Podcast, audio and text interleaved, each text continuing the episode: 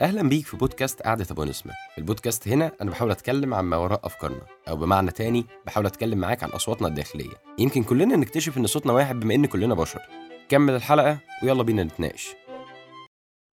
السلام عليكم ورحمه الله دي حلقه جديده في البودكاست هنتكلم النهارده عن موضوع آه نحاول ان هو يكون مختلف شويه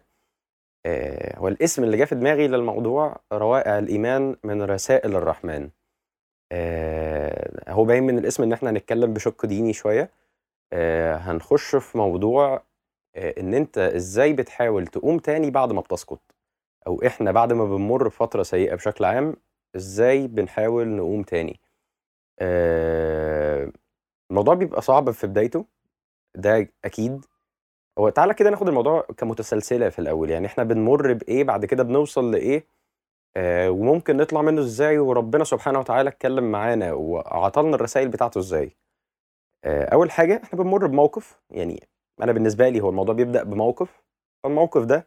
احنا اتاثرنا بيه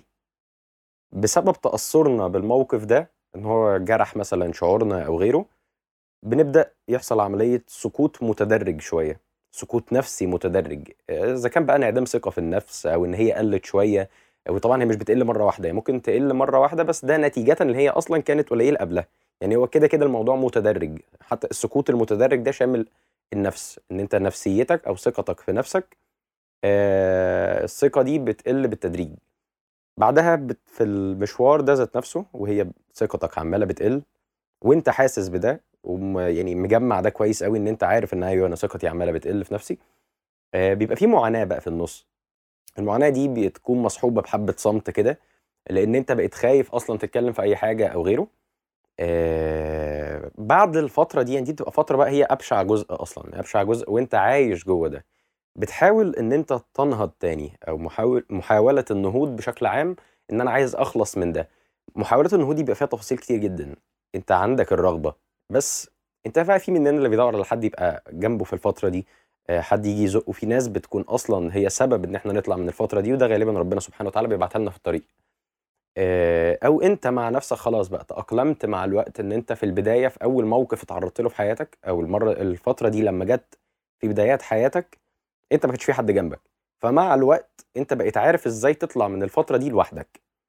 اه, آه، بتعاني لوحدك وتحط نفس الافكار في دماغك غالبا كل مره بس انت بقيت عارف التكنيك ماشي ازاي او انت بقيت عارف الدنيا ايه اللي بيحصل فيها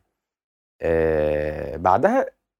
كل ده مش هيتم انت مش هتنهض اصلا من غير توفيق ربنا سبحانه وتعالى فدي خطوه موجوده معانا آه توفيق من الله سبحانه وتعالى بعد كده انت بتقوم بعد ما تكون اتعلمت الدرس اللي انت محتاجه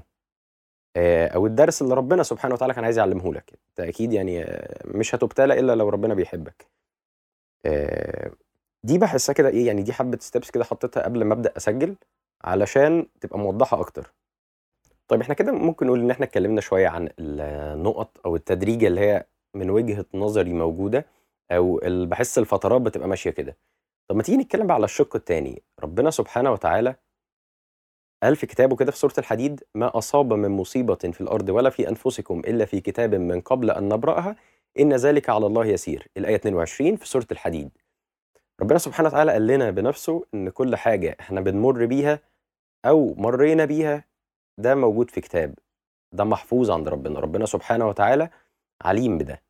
ربنا مش هيحطنا في موقف الا لو احنا كنا قد الموقف ده ولا هيحطنا في ابتلاء الا وهو عارف هو العليم سبحانه وتعالى ان احنا نطلع من الابتلاء ده وان احنا قده الموضوع بيبقى صعب وده اللي انا كنت لسه بتكلم فيه في الفترات اللي في النص اذا كانت بقى المعاناه او اللي انت بتحاول تقوم تاني او غيره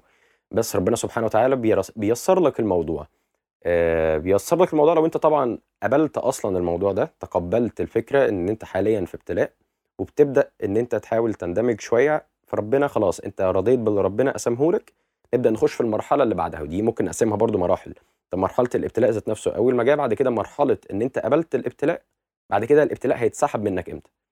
آه وده ممكن كده زي نفس فكره الداء والدواء يعني الاثنين بيبقوا نازلين مع بعض مفيش حد سابق التاني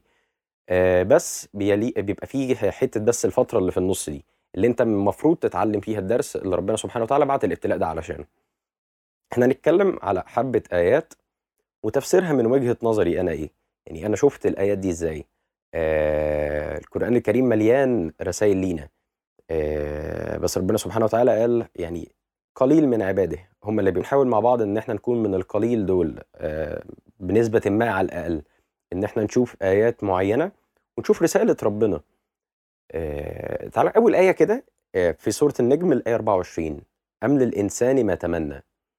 آه ام للانسان ما تمنى انا هقول التفسير بتاعها بالنسبه لثلاث مفسرين هقول للقرطبي وهقول لابن كثير وهقول للوسيط آه، لطنطاوي آه، القرطبي لما جه فسرها هو في اول سطر كده من التفسير بتاع القرطبي قال لك ام للانسان ما تمنى اي اشتهى اي ليس ذلك له يعني اللي انت عايزه مش هيكون ليك آه بمعنى تاني يعني مش مش معنى كده ان ربنا سبحانه وتعالى هيشيل منك كل حاجه انت عايزها ومش هيديها لك لا لان ده عند بعض الناس هيفتكر ان ده ظلم او ان ربنا سبحانه وتعالى يعني وحاشا لله ان هو بيمنع عننا اللي احنا عايزينه بس الموضوع التفسير الاوضح شويه ممكن نروح بقى للتفسير بتاع طنطاوي الوسيط لطنطاوي راح قايل لك أن شهوات النفس ومطالبها وأمنياتها لا تتحقق إلا في الإطار الذي يريده الله آه، الله تعالى آه، لها أن شهوات النفس ومطالبها وأمنياتها لا تتحقق إلا في الإطار الذي يريده الله تعالى لها آه، فربنا قال لك أم للإنسان ما تمنى فلله الآخرة والأولى يعني أنت شايف هو التفسير ده ممكن اقرب شويه يعني هو التفسير بتاع دايما الوسيط لطنطاوي بيكون عامي اكتر بالنسبه لنا كمصريين آه فممكن ان انت تفهمه اكتر آه طب تعال نبص بصه كمان على التفسير بتاع ابن كثير آه قال لك اي ليس كل ما تمنى خير آه، حصل له طيب آه، ليه يعني فاهم السؤال ليه ان انت كل حاجه خير اتمنيتها ممكن ما تكونش بتحصل لك هي خير من وجهه نظرنا خلينا متفقين على ده وربنا عنده العلم كله ربنا يعني آه، في التفسير بتاع ابن كثير برضو يعني وبعد ما قال ليس كل ما تمنى خير آه، خير حصل له فقال لك آية من سورة النساء الآية 123 من سورة النساء قال لك ليس آه، بأمانيكم ولا أماني أهل الكتاب إن يعني ربنا سبحانه وتعالى بيقول لك القدر في إيدي مش اللي أنت عايزه هو اللي هيحصل هنا ربنا بيحاول يوصل لنا أو ربنا سبحانه وتعالى بيقول لنا اصبر اقبل اللي أنا كتبته لك ده اللي انا كنت لسه بقول فيه ان انت مجرد ما ان انت آه، تقبل ربنا سبحانه وتعالى يبدا يرفع عنك الابتلاء ده دي آية من الآيات اللي عدت قدامي امبارح تقريبا وقفت عندها شوية آه، وأنا بسمع التلاوة آه، على التليفون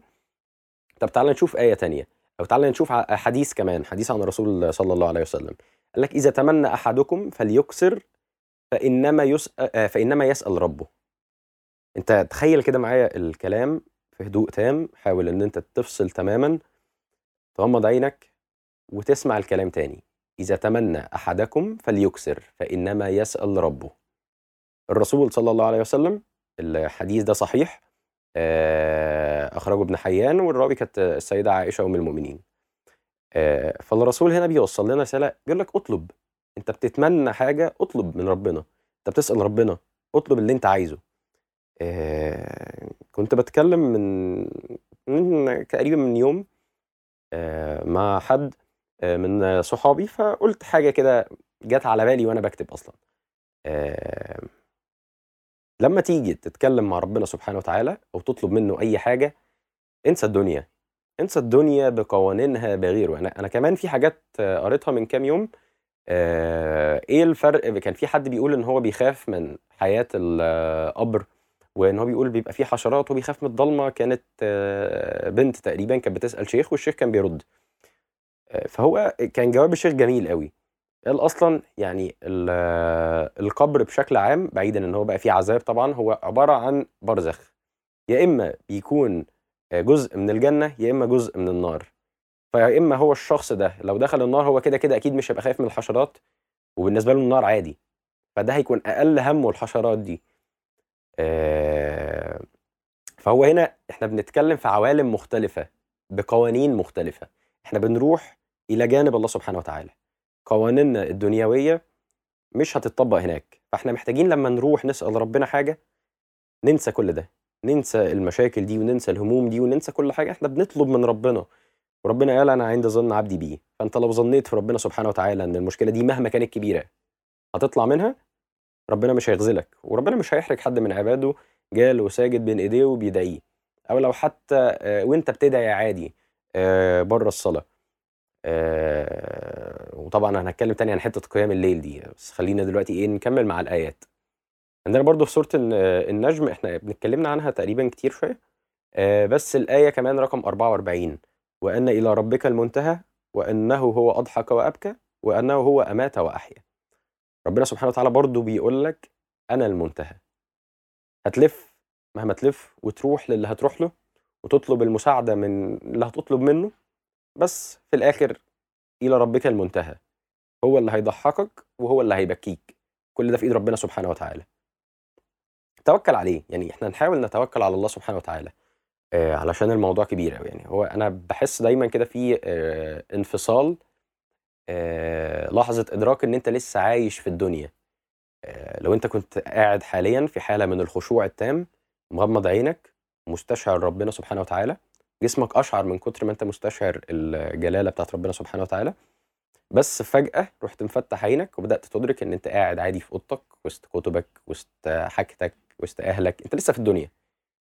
دي هنا برضو ده, ده حاجه من عظمه ربنا سبحانه وتعالى ان انت بتحس شعورين مختلفين تماما انت لوهله انفصلت عن العالم الواقعي واندمجت مع ربنا سبحانه وتعالى في العالم بتاعه او في العالم الاخر المليء ببركته آه فده بيبقى شعور جميل قوي يعني انا بجد ببقى مقدر الشعور ده جدا آه علشان بيبقى مريح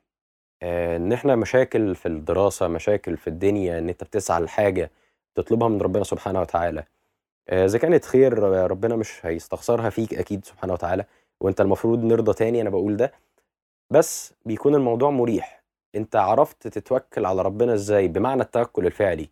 آه ربنا يجعلنا من المتوكلين عليه فهو خير الوكيل تعال نخش على ايه كمان في سوره التوبه الايه 59 في سوره التوبه لو انهم رضوا ما اتاهم الله ورسوله وقالوا حسبنا الله سيؤتينا الله من فضله ورسوله انا الى الله راغبون اجمل ما في الايه اخر جزء فيها انا الى الله راغبون بس الجميل هنا تبدا تحسه لو انت فعلا فهمت المعنى لو انت حاولت تطبق المعنى على نفسك فيها ايه لو انا كنت من الناس اللي بتقول ان الى الله راغبون ارمي الدنيا وروح له يعني ما انت ما وراكش حاجه تانية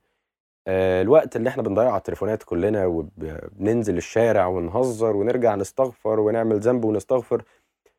في ايه يعني جرب كده معايا لو انت دخلت رحت جاي مشغل قران وقعدت في اوضه هاديه وصليت لربنا سبحانه وتعالى آه، انا بنصح نفسي طبعا بالكلام ده قبل اي حد آه، بس ادينا بنتناقش مع بعض احنا بنحاول نعيش مع بعض الجو ده من علاقتنا مع ربنا سبحانه وتعالى هو غالبا انا ممكن العنوان بتاع الحلقه دي ان يعني هو اللي جه في دماغي روائع الايمان من رسائل الرحمن انا تقريبا قلت ده في بدايه الحلقه يعني آه طب تعالوا نخش في ايه كمان كانت الايه آه، دي بتقول يا سيدي آه لمن الملك اليوم لله الواحد القهار دي آيات عن عظمة ربنا سبحانه وتعالى ربنا بياخدنا معاه في إيه، بص انا بجيب لكم مقتطفات من كتاب فيه 114 سوره القران الكريم آه بس كل ايه من الايات دي لو تعمقنا فيها هيبدا يزيد عندنا مشاعر مختلفه تماما هيبدا يزيد عندنا وعي مختلف تماما عن الدنيا هتبدا الدنيا تبقى هينه شويه في عيوننا بس هتهون فعلا طول ما انا عارف ان في ربنا سبحانه وتعالى معانا في الدنيا دي بيبدا ان هو يسهل لنا كل حاجه يسهل لنا الصعب امتحان احنا ياما اتزنقنا في امتحانات آه، بتبقى قبل الامتحان مش عارف تعمل ايه عمال آه، اعصابك مشدوده آه، بتقوم تصلي بتفتكر ربنا في الاوقات دي كويس جدا بس في الاخر بتعدي يعني احنا حتى عندنا بنقول اللي تخاف منه ما يجيش احسن منه مش عشان انت شطور وجميل ده توفيق ربنا سبحانه وتعالى هو الفكره كلنا ان احنا اعتدنا على الامر والاعتياد على الامر بيفقده معناه فاحنا بقينا ماشيين مدركين للعظمه دي بس مش الادراك الكامل احنا مدركين بتعود فمش مركزين قوي في اللي بيحصل حوالينا او في لطف ربنا سبحانه وتعالى معانا ربنا برضو يعني هو معانا ده اكيد بس كمان وضح لنا في سورة الزمر في آية كمان قال كل يا عبادي الذين أسرفوا على أنفسهم لا تقنطوا من رحمة الله إن الله يغفر الذنوب جميعا إنه هو الغفور الرحيم ربنا غفور رحيم بيغفر لك الذنب بيغفر لك الحاجات اللي انت حاسس انها بقت تقيله على قلبك وده اللي هو في وصف تاني في القران آه، ربنا قال عليه الرين آه، ران على قلوبهم يعني القلب بتاع الانسان بدا يتقل من كتر الخطايا او من كتر الذنوب اللي ارتكبها بالاستغفار طبعا الموضوع ده بيقل وبتبدا الدنيا تبقى اهدى بكتير جدا بس آه هو تقريبا الغرض الاول للحلقه دي والغرض الاول لاي حاجه انا ببقى بصورها وده اللي غالبا بيخليني آه، اصور او اسجل انا بحاول على قد ما اقدر اقول حكمه ربنا في الموضوع او رحمه ربنا بينا في الموضوع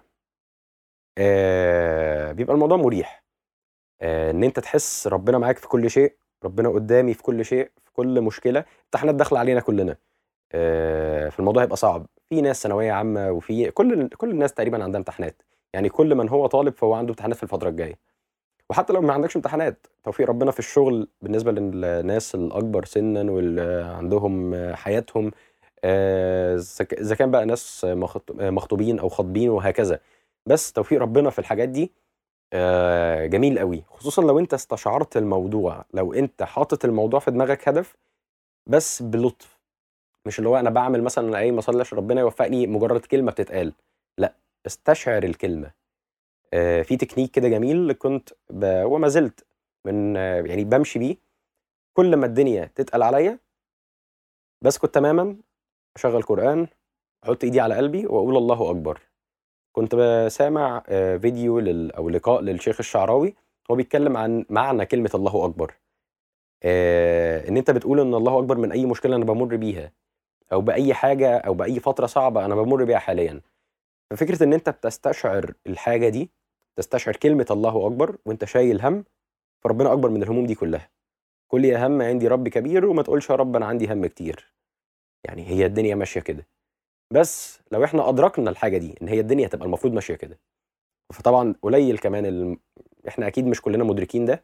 ولا انا مدرك ده بالشكل التام بس ادينا بنجاهد نفسنا علشان ندرك لده آه، او عشان نوصل للموضوع ده طبعا وسط ما احنا بنحاول ندرك الموضوع ده فنبص تاني في القران نلاقي رب... آه، نلاقي ربنا سبحانه وتعالى بيقول لنا ان الانسان خلق هلوعا اذا مسه الشر جزوعا واذا مسه الخير منوعا إلا المصلين الذين هم على صلاتهم دائمون في استثناء هنا ربنا سبحانه وتعالى